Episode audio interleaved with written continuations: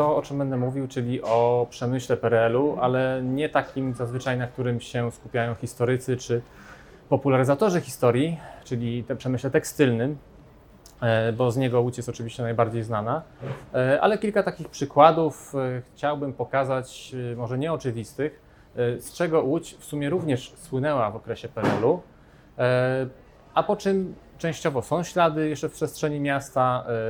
Niektóre firmy działają do dzisiaj już jako sprywatyzowane przedsiębiorstwa, a po których śladu już wcale, wcale nie ma. E, na początek kilka takich technicznych uwag się z Państwem też, Państwu też przekażę. Mianowicie bardzo duży problem historykom nastręcza, nastręczają badania nad Polską Rzeczpospolitą Ludową, jeśli chodzi o gospodarkę i przemysł jako taki. O ile historia polityczna coraz bardziej jest opracowana, coraz więcej wiemy, coraz więcej historyków zajmuje się strajkami, solidarnością, E, te wszystkie e, komitety centralne w Warszawie są dość nieźle opracowane, e, rządy poszczególnych pierwszych sekretarzy. O tyle ta gospodarka centralnie planowana i zmiany, jakie w niej następowały na, w kolejnych dekadach PRL-u, na dobrą sprawę są nieopracowane. To znaczy, jest kilku historyków w Polsce, którzy dotykają jakichś wąskich, pojedynczych tematów, natomiast z całą odpowiedzialnością mogę powiedzieć, że nie ma obecnie historyka w Polsce, który byłby w stanie dokładnie, rzetelnie wytłumaczyć, jak właściwie to wszystko działało. To znaczy, jak działały te wszystkie zjednoczenia, e, kto podejmował dokładnie decyzje, na jakim szczeblu te decyzje były podejmowane, z czego wynikał asortyment produkcji, z czego wynikały inwestycje e, i z drugiej strony, z czego wynikało niedoinwestowanie w poszczególnych zakładach, e, kto nad tym trzymał pieczę. Nie ma tak naprawdę takiej mądrej osoby w Polsce, mówię to z pełną odpowiedzialnością, która byłaby w stanie na te pytania odpowiedzieć. E, dlatego też no, próbujemy odtwarzać tę historię z takich strzępów informacji, z bardzo fragmentarycznie zachowanych archiwów zakładowych, ponieważ też to jest mało znany fakt, że archiwa tych przedsiębiorstw z PRL-u, wielkich, zatrudniających po kilka, kilkanaście tysięcy ludzi, przepadły. W bardzo dużej mierze przepadły i nikt nie wie, gdzie one się znajdują. E, do tej pory ludzie, którzy pracowali w tych zakładach i no teraz przed ZUS-em próbują się wyspowiadać z tego, ile lat pracowali w jakim przedsiębiorstwie, mają potężne problemy właśnie z po pierwsze e, namierzeniem tej dokumentacji, a po drugie znalezieniem jej i no, jeszcze pół biedy, jeżeli ona jest kompletna, ale często nie jest kompletna e, i też tak naprawdę jest w tych papierach bardzo duży, bardzo duży bałagan. Stąd też w gruncie rzeczy bardzo niewiele jest publikacji, książek po prostu, które by e, o tym e, opowiadały. Mamy znowuż książki o strajkach, mamy książki o Solidarności, o PZPR-ze, natomiast książek o zakładach przemysłowych jest bardzo niewiele. A jeżeli są, to mają charakter wspomnieniowy, albumowy, e, bo po prostu innego raczej mieć na razie nie mogą. Łódź, tak gwoli przypomnienia, dwa zdania, e, rozwinęła się w XIX wieku jako wielki ośrodek włókienniczy, to myślę jest Państwu e, znane. E, I ten charakter monokultury przemysłowej miało właściwie do II wojny światowej. Paradoksalnie to w czasie II wojny światowej Niemcy wprowadzili nowy asortyment do niektórych przedsiębiorstw, które na terenie Łodzi działały, E, głównie było to związane z branżą chemiczną, z przemysłem precyzyjnym, którego w Łodzi wcześniej nie było. E, niektóre przedsiębiorstwa zupełnie zmieniły e, profil swojej działalności. Natomiast w roku 1945 wraz z wkroczeniem Armii Czerwonej nastał nowy ład, budowanie socjalizmu czy komunizmu, jak kto woli. I zaproponowano, sąsiad ze, ze wschodu zaproponował nam z silną sugestią nowy E, system gospodarczy, nowy system społeczny, który opierał się przede wszystkim na nacjonalizacji. Wobec tego przeprowadzono nacjonalizację przedsiębiorstw. E, szło to dwutorowo. Z jednej strony były to przedsiębiorstwa, które e, no, w czasie II wojny światowej były w rękach Niemie Niemców lub niemieckich spółek, a z drugiej strony były to przedsiębiorstwa, które zaliczono do tak zwanego przemysłu kluczowego, E, czyli były to poszczególne gałęzi gospodarki, które uważano za najważniejsze i spełniające pewne kryteria wielkości, czyli ilość e, zatrudnionych robotników, e, ilość zmian, które były w danym zakładzie, czyli na dwie czy na trzy zmiany pracowano. i wielkość produkcji, wartość wielkości, wartość wielkość produkcji. Tyle prawo. Praktyka pokazywała, że nowe władze bardzo dowolnie sobie postępowały z tymi przepisami prawa. Stąd też bardzo wiele procesów, które do tej pory trwają, reprywatyzacyjnych. W związku z czym no, to mówi też wiele o tym, jaka była jakość tego prawa, jakość jego przestrzegania, ale to tak na marginesie. Y, monokultura tekstylna w Łodzi właściwie nie została przełamana do końca, do końca PRL-u, chociaż były takie próby. Y, te próby, czy efektem tych prób były m.in. przedsiębiorstwa Optima, o którym zaraz y, opowiem, czyli fabryka, fabryka cukrów Optima.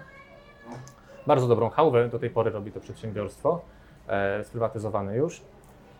Były to zakłady chociażby Mera Poltik, robiąca zegary i zegarki, też znane w całej Polsce. Właściwie myślę, że w każdej rodzinie przynajmniej jeden budzik z firmy Mera Poltik na pewno się znajdował.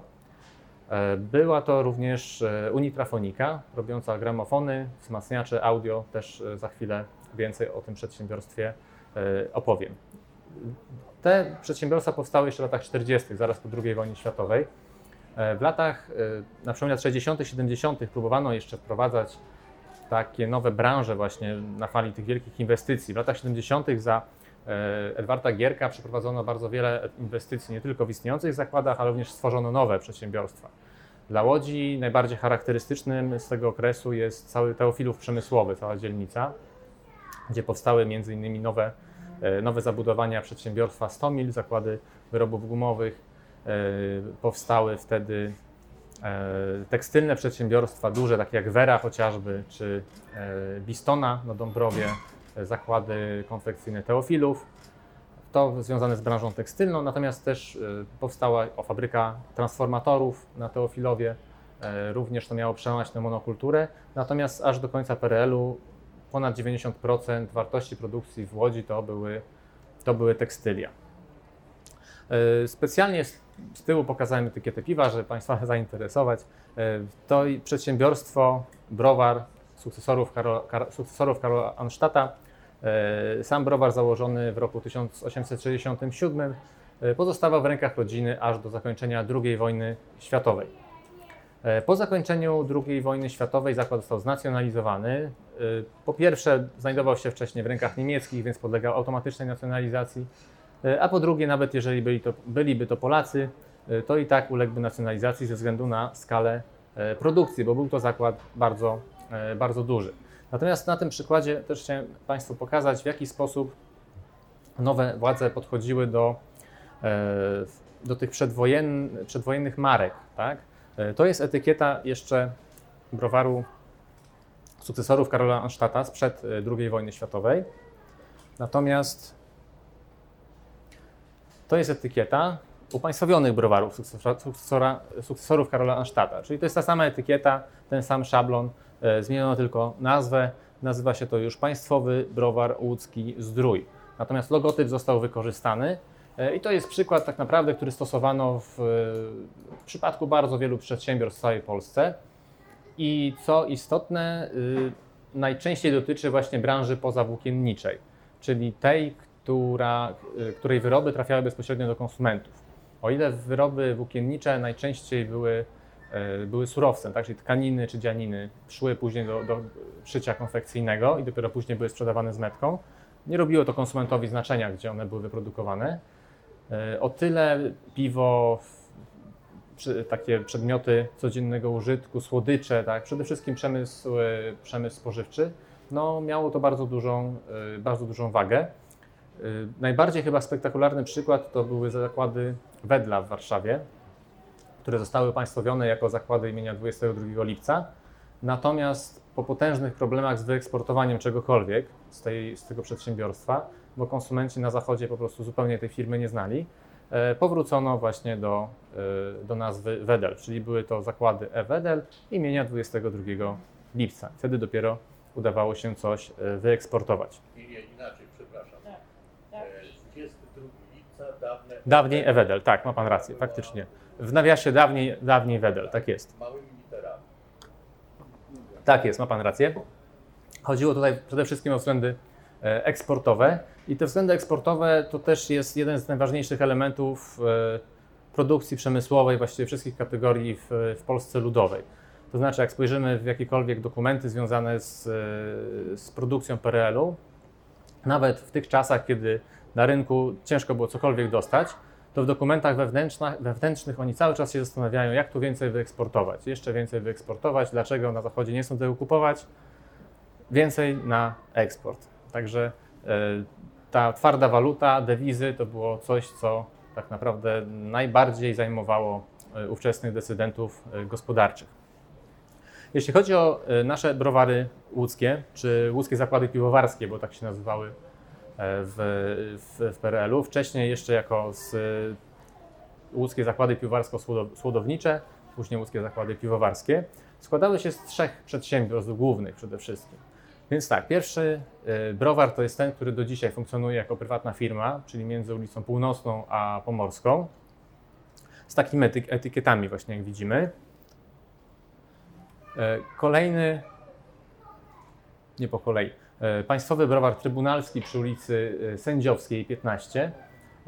Taki charakterystyczny budynek z przyporami od strony ulicy przy, przy parku. E, mniej więcej 10 lat temu była duża awantura w związku z próbą jego wyburzenia. W tej chwili on częściowo stoi, częściowo jest e, wyburzony. On też należał do rodziny Ansztatów, tylko do innej, e, innej nitki, znaczy do jednego z krewnych właściciela, potomków właścicieli, sukcesorów Karola Ansztata. I on też funkcjonował do początku lat 90. A trze... Hmm, nie wiem dlaczego nie mam trzeciej etykiety. Trzeci to był browar mieszczański przy ulicy Orlej. Dawniej należał do rodziny e, Kajlichów. E, to, co jest charakterystyczne, jeśli chodzi o zmianę w, w, w tych produktach, które powstawały w PRL-u, no to przede wszystkim jakby zatracenie związku marki z poszczególnym zakładem. To znaczy, o ile przed II wojną światową każde przedsiębiorstwo bardzo dbało o to, żeby było, być kojarzone z konkretnym piwem, z konkretną marką piwa, E, ta kultura konsumpcji dopiero się właściwie y, rodziła w okresie międzywojennym, ale już były sukcesy na tym polu.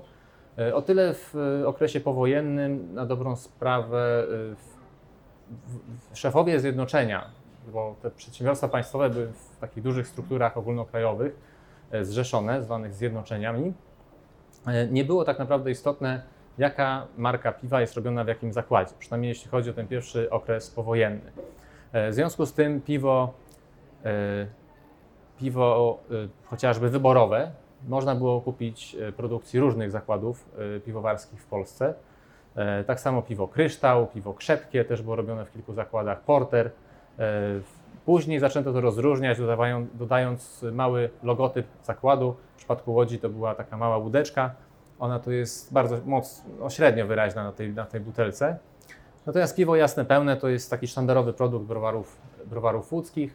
E, często było, było napisane na etykiecie, czy to jest browar numer 1, numer 2 czy numer 3. Później już nawet nie szczególnie się przejmowano takimi, e, takimi szczegółami.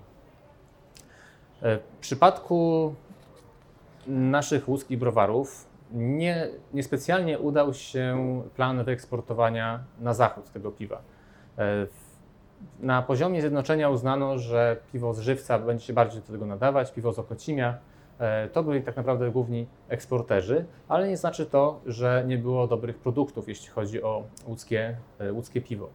E, w latach 60. na przykład wspomniane już piwo wyborowe było produkowane w Łodzi, ale też piwo Jubilat. Piwo Jubilat powstało na stulecie browaru w 1967 roku. Mogło się poszczycić znakiem znakości z jedynką, czyli powiedzmy należało do kategorii takich lepszych produktów w PRL-u.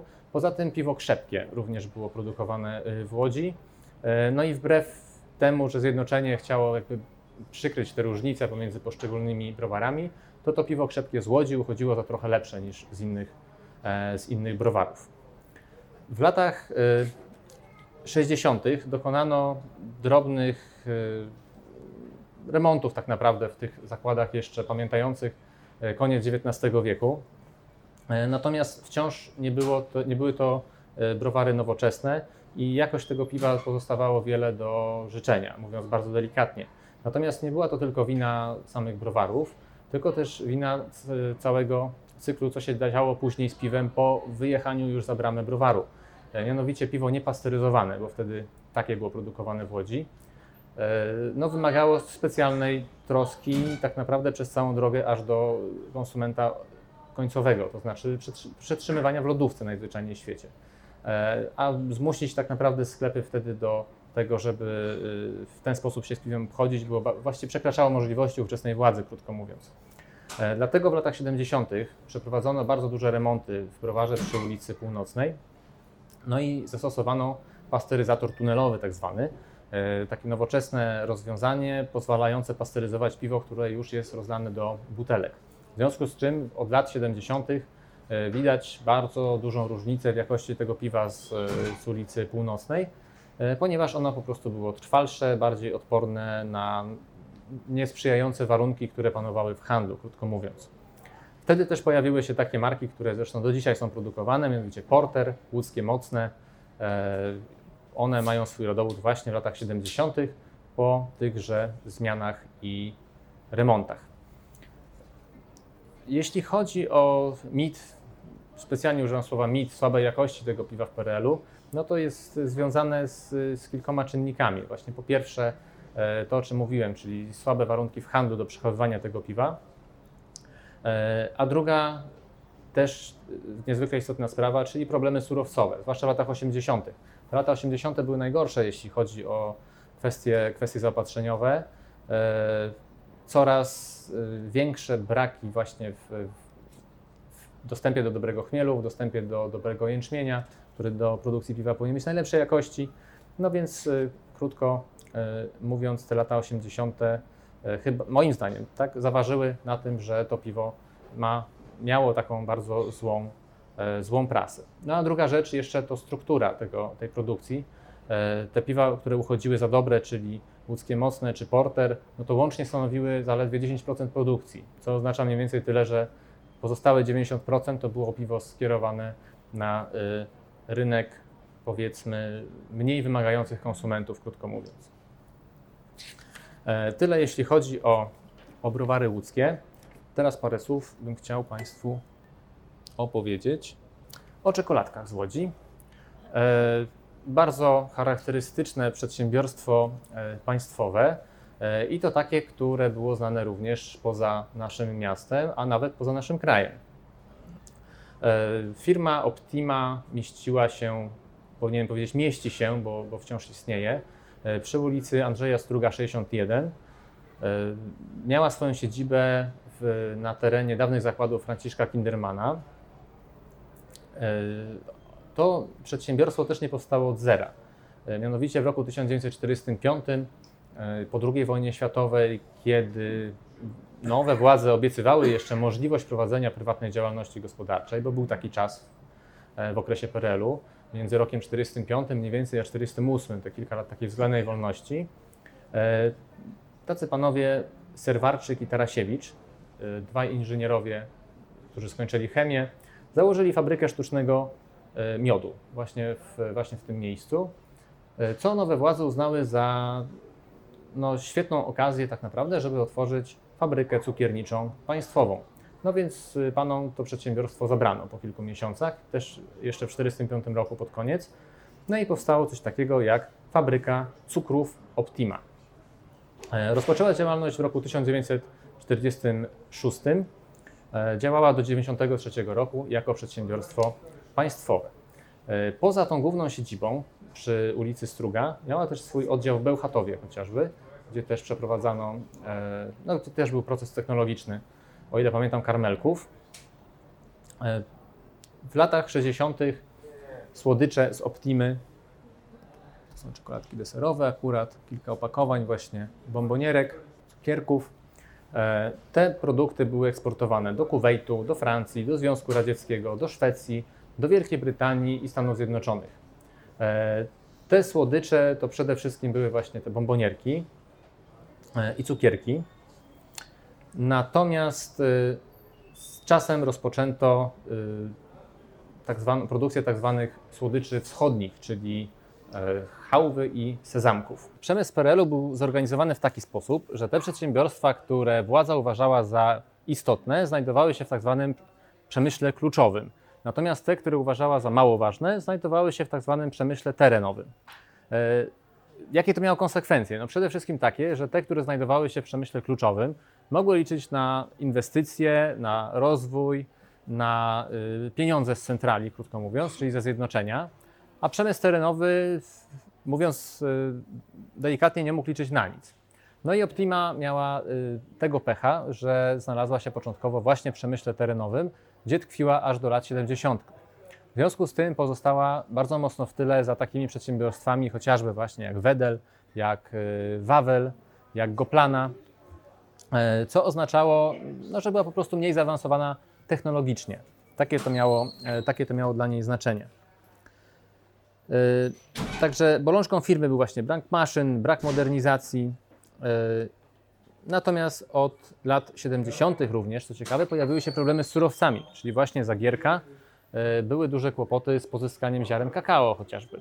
Dopiero w latach, e, pod koniec lat 70., kiedy Optima przeniosła się już właśnie pod skrzydła zjednoczenia e, przemysłu spożywczego e, i rozpoczęła współpracę właśnie z Wedlem, Wawlem, Wawelem, e, Śnieżką, Goplaną, no zaczęło się coś dziać na, na lepsze. Jeśli chodzi o produkty, z których słynęła Optima, no to można wymienić chociażby nadziewane karmelki kapitańskie, które były tak naprawdę y, hitem na tyle poważnym, że nawet produkowano je później w innych przedsiębiorstwach cukierniczych na terenie kraju. E, W Śnieżce, w Odrze, o między innymi. E, Poza tym były cukierki z makiem, na przykład produkowane, iryski, cytro, faworytki owocowe. Nie mam pojęcia, czym są faworytki, przyznam szczerze. Cukierki Conchita czy cukierki Rosario. Natomiast to, z czego y, Optima właśnie słynęła najbardziej, to były sezamki i hałwa, zresztą z czego słynie do dzisiaj. Optima jest jednym z najważniejszych producentów tych słodyczy na terenie e, całego, całego kraju. E, Było też efektem modernizacji, które w latach 70. właśnie została przeprowadzona. E, Postawiono wtedy nowe zabudowania, które do tej pory stoją właśnie przy Andrzeja Struga. Zwiększono produkcję przede wszystkim tak zwanej galanterii czekoladowej, czyli bombonierek. Te opakowania, które widzieliśmy, to właśnie bombonierki, które produkowano również wcześniej, ale głównie sposobem ręcznym. Natomiast po tych inwestycjach w latach 70. wprowadzono pełną, e, pewną automatyzację. Tak naprawdę inwestycja w e, linię do chałwy i sezamków też była spowodowana tym, że bardzo chętnie no, konsumenci to kupowali. E, Początkowo to były próbne serie, które w latach 60. wprowadzono na rynek, e, ale później właśnie po tych e, remontach uznano, że, e, że będzie to główna specjalność e, przedsiębiorstwa. E, O skali produkcji Optimy świadczy, świadczy ilość. W latach 70. produkowano tam około 8 tysięcy ton słodyczy rocznie. E, Głównie była to właśnie galanteria czekoladowa, chałwa, sezamki i cukierki e, na wagę. Czy było to dużo, czy mało? Jak na zakład, który zatrudniał tyle osób, to nie było dużo. W porównaniu chociażby do właśnie do Wedla, do firmy Wawel, to nie było dużo. Natomiast to, z czego Fonika była, przepraszam, Optima była znana, e, to e, bardzo dobrzy inżynierowie spożywczy, których receptury były naprawdę cenione w całym zjednoczeniu spożywczym, plus bardzo dobre radzenie sobie z brakami surowców. To znaczy oni byli naprawdę dobrzy w zastępowaniu poszczególnych brakujących właśnie surowców no, krajowymi zamiennikami, krótko mówiąc. Nie było to najlepsze w smaku na świecie, zapewne, bo nie miałem okazji próbować, natomiast pozwalało utrzymać produkcję w ruchu, a to w tym czasie było e, najważniejsze. E, Firma została sprywatyzowana w roku 1993 i działa do dzisiaj. E, Teraz funkcjonuje jako Unitop. Na deser zostawiłem przedsiębiorstwo, które e, było właściwie perłą w koronie łódzkiego przemysłu. E, Przynosiło bardzo duże, bardzo pokaźne dochody, a jednocześnie e, stanowiło, no, przeczy, przeczyło może tym krzywdzącym opiniom o tym, że przemysł PRL-u był zacofany, e, że Polacy byli, no nie umieli robić takich rzeczy jak na Zachodzie, może tak. E, Przedsiębiorstwo Fonika, czyli łódzkie zakłady radiowe. To przedsiębiorstwo powstało w roku 1945, na początku jako zakłady wytwórcze aparatów telefonicznych i produkowa- produkowano tam telefony przede wszystkim. Takiej starej fabryce przy ulicy Skrzywana, która już w tej chwili nie istnieje. E, To jest też teren foniki, tylko że ta, ta, te zabudowania już, e, już nie funkcjonują. Państwu pokazał, no ale niestety, niestety nie działa. E, Z czasem zaczęto produkować tam urządzenia łączności dla wojska również, więc no, było to bardzo, bardzo istotne z punktu widzenia takiego strategicznego, byśmy powiedzieli, przedsiębiorstwo. Natomiast w roku 1953 inżynierowie z Foniki zbudowali na własną rękę pierwszy gramofon. E, Ten gramofon, y, on miał takie mało handlowe oznaczenie GE53 i ten gramofon, no przykro to stwierdzić, ale nie był or- oryginalną konstrukcją, tylko był ściągniętym niemal jeden do jednego gramofonem firmy Philips, e, który prawdopodobnie ktoś z nich kupił rok wcześniej na targach międzynarodowych gdzieś w Holandii. Rozebrali panowie z Foniki na części ten gramofon, e, no i zaczęli po prostu jego produkcję. E, Ten gramofon na tyle spodobał się w Zjednoczeniu w Warszawie, e, że zauważono w, w tego rodzaju produkcji tak naprawdę szansa na dewizy. To jest moja ocena. Szansa na dewizy, czyli na wyeksportowanie go na, go na zachód. W praktyce do tego jeszcze była daleka droga, musiało, musiało płynąć naprawdę kilkanaście lat, żeby produkty łódzkiej foniki się tam pojawiły. E, Natomiast ten gramofon był podstawą dalszych prac, które doprowadziły do stworzenia legendy tak naprawdę PRL-u, czyli gramofonu Bambino. Gramofon Bambino to był pewien fenomen, jeśli chodzi o, o Polskę i właściwie chyba wszystkie e, kraje, nawet bloku socjalistycznego. E, Mianowicie była to bardzo prosta konstrukcja, e, ale nowe czasy wygodna. To był przenośny gramofon w walizce z głośnikiem, ze wzmacniaczem, który wystarczyło podłączyć do gniazdka, położyć na nim płytę y, i już wydobywały się dźwięki z, z głośnika. Y, Ten gramofon miał konstrukcję dosyć prymitywną, znaczy może nie tyle, wte, tyle, nie tyle wtedy, gdy powstawał, natomiast w latach 70., kiedy wciąż był produkowany, no to już był ba- bardzo prymitywny, tak, umówmy się. Y, Kilka milionów, przynajmniej kilka milionów sztuk tego gramofonu wyprodukowano, co czyni go jeden z najbardziej popularnych gramofonów y, w ogóle w historii e, tego rodzaju odtwarzaczy, czy w ogóle odtwarzaczy muzycznych i mówię tutaj w skali światowej, nie tylko o, nie tylko o Europie. E, Plus właśnie eksport do krajów e, socjalistycznych. Z takich ciekawostek jeszcze, które w łódzkich zakładach radiowych produkowano, to były między innymi wiatraczki takie stołowe. Też myślę, że w każdym domu przynajmniej jeden taki wiatraczek stołowy gdzieś ktoś widział. E, Te wiatraczki stołowe to e, też jest projekt łódzki, łódzkich inżynierów. E, Było kilka modeli, wszystkie zostały opracowane w Łodzi. Jeśli chodzi o, dzisiaj się mówi design, kiedyś mówiło się wzornictwo, czyli powiedzmy wzornictwo tych wiatraczków, one zostały zaprojektowane na Łódzkiej Akademii Sztuk Pięknych, a silniczek, który obracał śmigiełkiem w tymże wiatraczku, to był nic innego jak silniczek od gramofonu.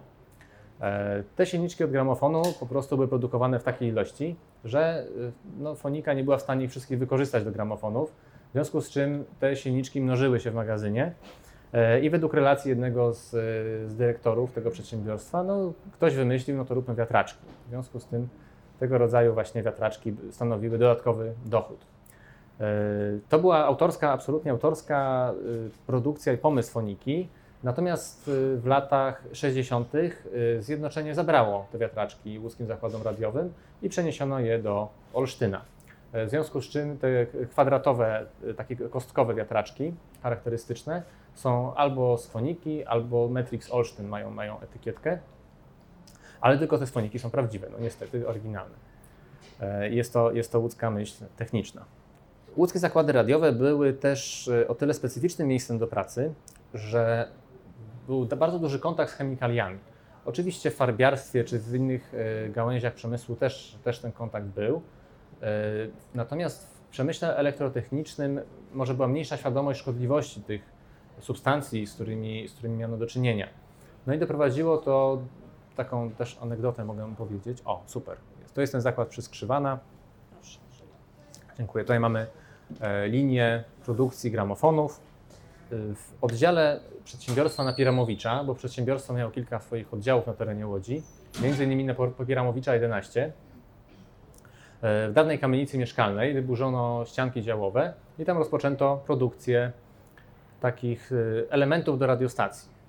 No i nie byłoby w tym nic dziwnego, gdyby nie fakt, że przy tej produkcji wykorzystywano benzen, czyli bardzo szkodliwą substancję, e, toksyczną, a pracownikom nikt nie powiedział, jak z tym benzenem należy się obchodzić. W związku z czym kilkadziesiąt, ponad 100 osób, głównie kobiet, zachorowało na nowotwór, tak, na, na, na białaczkę. E, To był rok, początek lat 60., 60-61 rok. E, Odbiło się to bardzo poważną aferą, tak naprawdę, która się obiła o szczyty władzy nawet w Warszawie.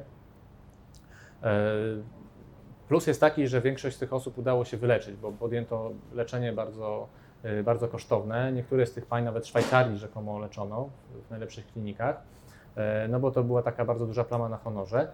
Plus ukazał się artykuł w zachodniej prasie e, i w Radiu Wolna Europa nawet była dzielna audycja na ten temat, o tym właśnie jak władza ludowa traktuje tak, swoich, swoich pracowników.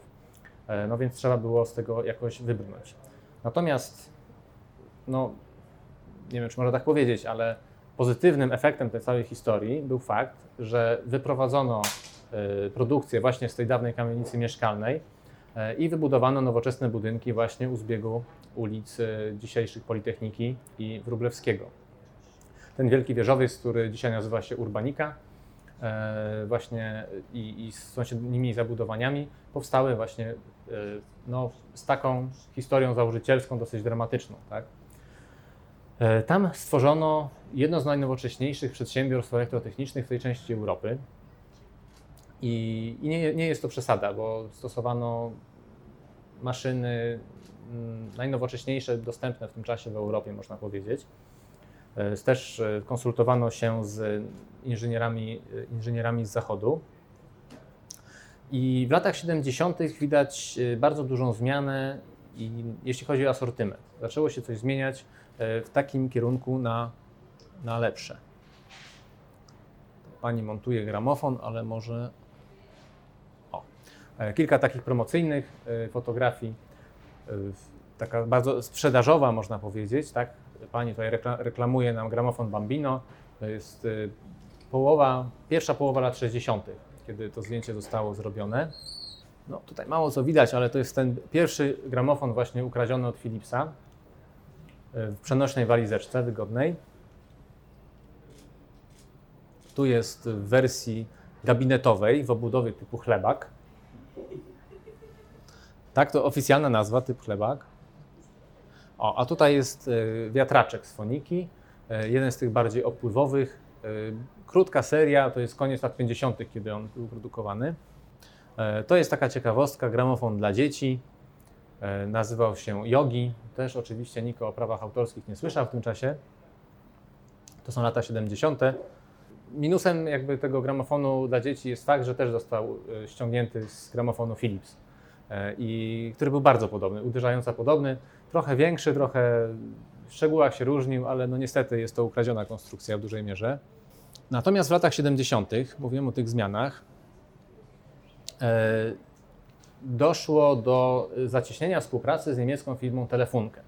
Niemiecka firma Telefunken zajmowała się zarówno łącznością, jak i takim sprzętem konsumenckim.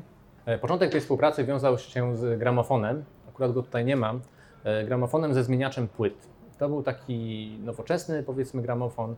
E, Cały czas była tam wkładka ceramiczna jeszcze. Natomiast on nie był szczególnie udanym modelem. Natomiast co jakby było w tle tej współpracy? Otóż w tle był system łączności ziemia-powietrze, e, który był objęty embargiem i nie można było go sprzedać do Polski. Natomiast do foniki trafił właśnie dołączony do dokumentacji tego gramofonu. Według e, relacji dyrektora, z którym e, miałem okazję rozmawiać, no ktoś w telefonkenie odpowiadał karnie i to bardzo boleśnie właśnie za dołączenie tej dokumentacji łączności. Chodzi o łączność z myśliwcami bodajże. Także bardzo poważna sprawa. Natomiast no, gramofon zupełnie średniej, średniej jakości był wpychany na polskim rynku bardzo mocno. E, Nawet niespecjalnie dawało się go wyeksportować. E, Natomiast jeżeli jesteśmy przy eksporcie, to ten gramofon, który widzimy na, na zdjęciu, jest to jeden z gramofonów serii Mister Hit. E, Miał to być następca Bambino, nowoczesny o tyle, że był cały zbudowany z tworzyw sztucznych. Był bardzo lekki można było zrobić większość elementów na wtryskarce. E, nie był szczególnie to model udany pod względem konstrukcyjnym, po prostu działał i był dosyć niezawodny, czyli można było dać go dziecku i go nie zepsuło tak szybko, chyba że go puściło na podłogę, no to już nie było rady. E, I można było go eksportować. Natomiast e, też z relacji, z relacji pana dyrektora Jadczyka, Fonika miała 5 centów na sztuce bodajże. Niedużo, bardzo niedużo i też e, nie było to warte całych zabiegów, żeby pozyskać tę licencję, e, zbudować nową linię technologiczną, ten system nowoczesnych wtryskarek. Natomiast o co chodziło? Chodziło o to, e, żeby wyprodukować przeźroczysty plastik. W Polsce nikt nie miał wtedy możliwości technologicznej wykonania przeźroczystego plastiku, czyli tak zwanej plexi. W związku z czym zakupiono ten gramofon, przede wszystkim po to, żeby pozyskać technologię właśnie wytwarzania wytwarzania pleksji, co faktycznie się e, udało i Fonice no, mogli się poszczycić tym, że robiono jedną z lepszych właśnie pleksji w, na terenie całego kraju. A to jest e, taki koronny właściwie przykład, czy jeden z ważniejszych przykład współpracy międzynarodowej, bo tego nie powiedziałem, a to jest dosyć, dosyć istotne, że w tej współpracy Telefunkena, z Telefunkenem to nie było tak, że była to prosta licencja kupiona w Niemczech E, jeśli chodzi o ten zmieniacz, to do płyt faktycznie to, to była licencja. Natomiast jeśli chodzi o ten plastikowy gramofonik, e, polegało to na tym, że polscy inżynierowie z Foniki pojechali do Niemiec i tam wspólnie z Niemcami pracowali nad tym gramofonem, czyli pracowali już od e, poziomu biura konstrukcyjnego. Po prostu chodziło o to, że w Niemczech były dostępne takie możliwości technologiczne, które w Polsce no, nie były do pojęcia po prostu, tak, nawet dla tych inżynierów. W związku z czym oni tam znając warunki na miejscu, mogli też włączyć się w proces konstrukcyjny. E, wobec czego te gramofony to był po prostu efekt współpracy, a nie była to prosta licencja, co no, kładzie tak naprawdę, e, no, zadaje kłam trochę tym e, trochę niesprawiedliwym osądom tak, o przemyśle PRL-u, że był wtórny i opierał się przede wszystkim na licencjach, że to co dobre to było licencyjne. Tak? No nie do końca tak było. I tu jest kolejny przykład właśnie na to, czyli wzmacniacz, to jest wzmacniacz audio serii PA stworzony przy współpracy z francuskim koncernem Thomson. E, francuski koncern Thomson, e, no trudno teraz powiedzieć, kto komu zaproponował. Tak? Prawdopodobnie na jednym z, jednych targów doszło do, do kontaktu między panami z Foniki a, a, a Thomsonem. E, doszło do współpracy, na mocy której łodzianie mieli wyprodukować wzmacniacze na rynek francuski, krótko mówiąc. Jest to w tej chwili bardzo trudno, trudne do prześledzenia, bo nie zachowała się dokumentacja. E, wiadomo na pewno, że są to wzmacniacze zaprojektowane w Łodzi, czyli cały proces konstrukcyjny powstał w Łodzi. E, pierwszy wzmacniacz Francuzi przywieźli do Łodzi, pokazali Polakom, e, pokazali przede wszystkim możliwości technologiczne, to znaczy jakie kondensatory można wyprodukować, jakie te drobne wszystkie elementy związane z elektrotechniką są u nich dostępne, a potem właśnie z tych już elementów projektowali projektowali Polacy. Tych e, wzmacniaczy było bardzo dużo na rynku. E, jest mnóstwo modeli i w tej chwili dojście tak naprawdę, który jest bardziej polski, który jest bardziej francuski, jest bardzo trudne. Natomiast wkład polskich inżynierów jest niezaprzeczalny w te konstrukcje. I znów tutaj największym problemem, żeby sprostać rynkowi francuskiemu, było stworzenie tego aluminiowego, aluminiowego frontu. To jest aluminium szczotkowane, tutaj może tego nie widać dobrze. E, dla francuskiego konsumenta było najważniejsze to, że był nieskazitelny, idealnie obrobiony, e, żeby się ładnie błyszczały gałki, żeby ładne były wskaźniki. To było najważniejsze.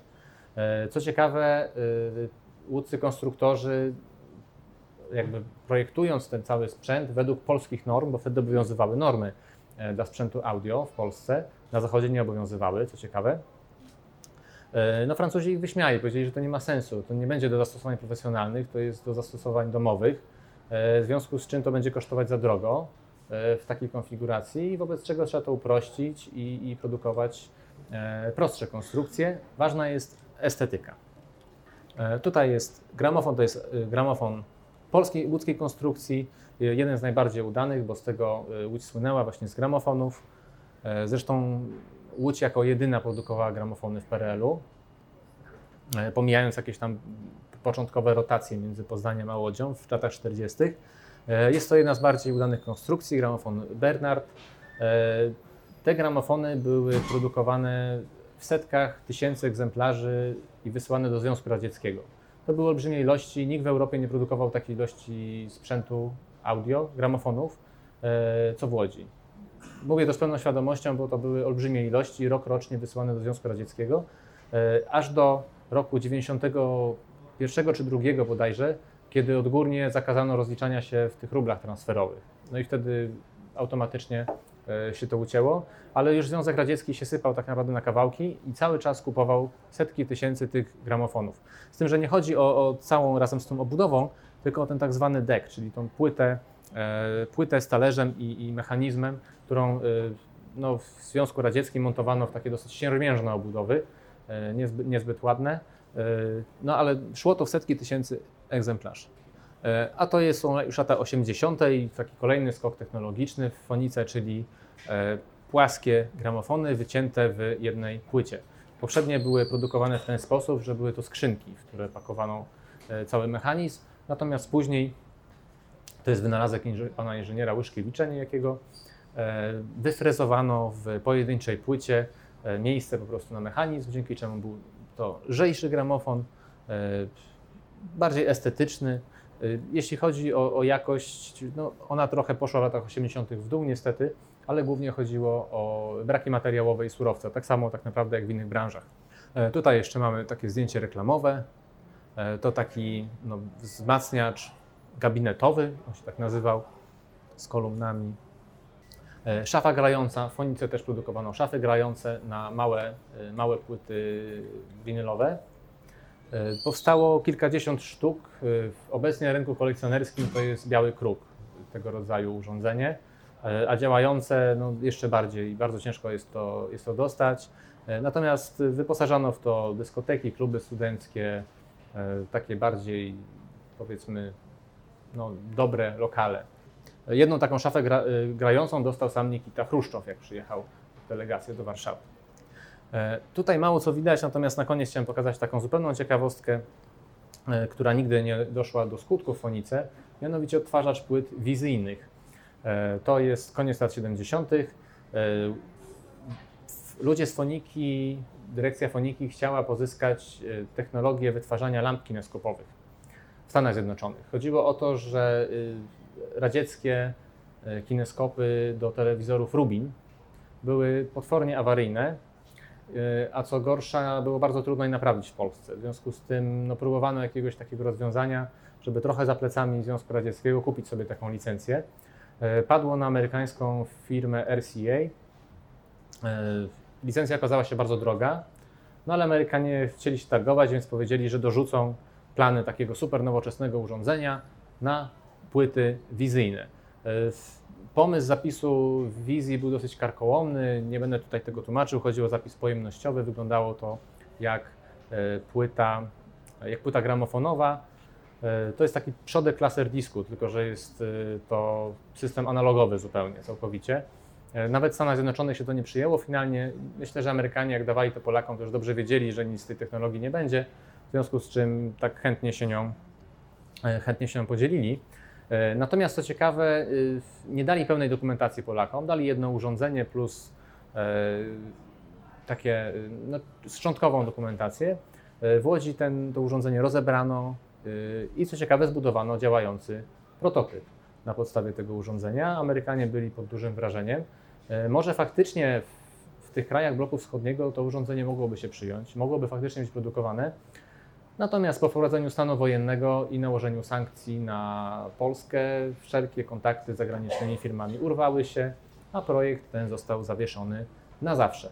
Jedyne, co tak naprawdę zostało po tym projekcie, to jest e, ta, no to nie jest reklama, taki artykuł właściwie prezentujący stan e, technologii, e, stan elektrotechniki na rok 80 bodajże, to jest skan z czasopisma RTV, chyba z 80 roku. I to zdjęcie to jest jedyne, co po tym prototypie pozostało, no chyba, że ktoś z byłych pracowników trzyma go w domu, co też tak naprawdę nie jest wykluczone.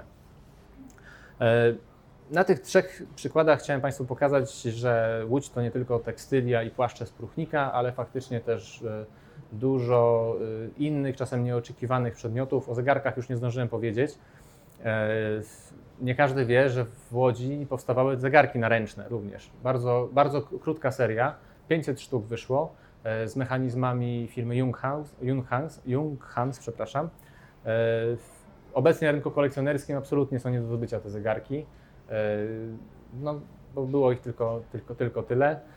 I różnego rodzaju dziwne, eksperymentalne przedmioty też w Łodzi były produkowane w różnych zakładach, ale może to jest na inny, inny, inny raz opowieść. Dziękuję serdecznie za uwagę.